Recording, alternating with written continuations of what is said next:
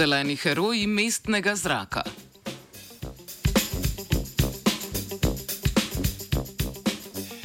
Onesnaženost zemljske atmosfere z antropogenimi plini predstavlja vse bolj pereč problem.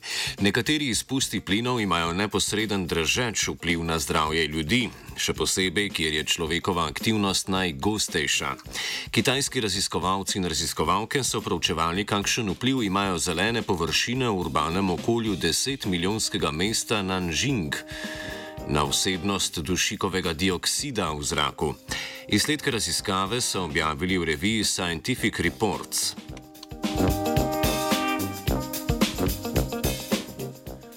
Dušikov dioksid v ekosistemih tvori različne škodljikove okside, ki pripomorejo tudi k pojavu kislega dežja. Ima neposreden vpliv na zdravstveno stanje živali in rastlin, pri ljudeh naprimer povzroča bolezni krvožilja ter dihalne motnje. Plin deluje kot reaktant pri nastanku fotokemičnega smoga, pri čemer molekula dušikovega dioksida reagira s sončno svetlobo v atmosferi. Nastali smog reagira z ozonom in tvori dodatne strupene dušikove okside, ki predstavljajo nadaljne zdravstveno tveganje ljudem in živalim.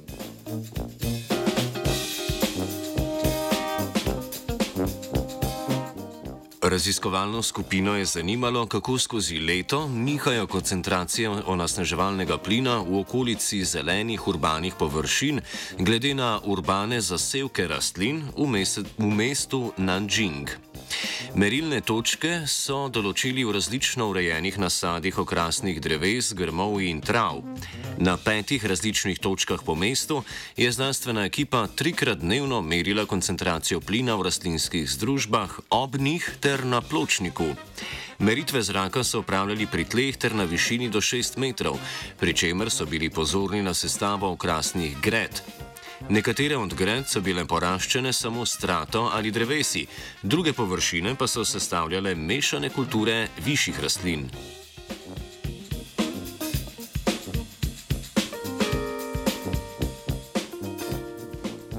Iz upravljenih meritev so raziskovalke in raziskovalci ugotovili, da mešani posevki rastlin znižajo raven dušikovega dioksida v zraku. Najbolj uspešni so bili zasevki mešanih rastlinskih kultur grmovi in dreves.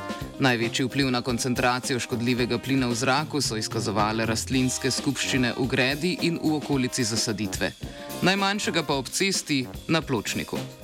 Vpliv zasevkov rastlin, zeleni deli na raven dušikovega dioksida, je bil najopaznejši poleti. Zeleni deli rastlin so takrat uspešno ohranjali višjo zračno vlago in omilili porast temperatur zraka, ki sta glavna parametra nihanja dušikovega dioksida v ozračju.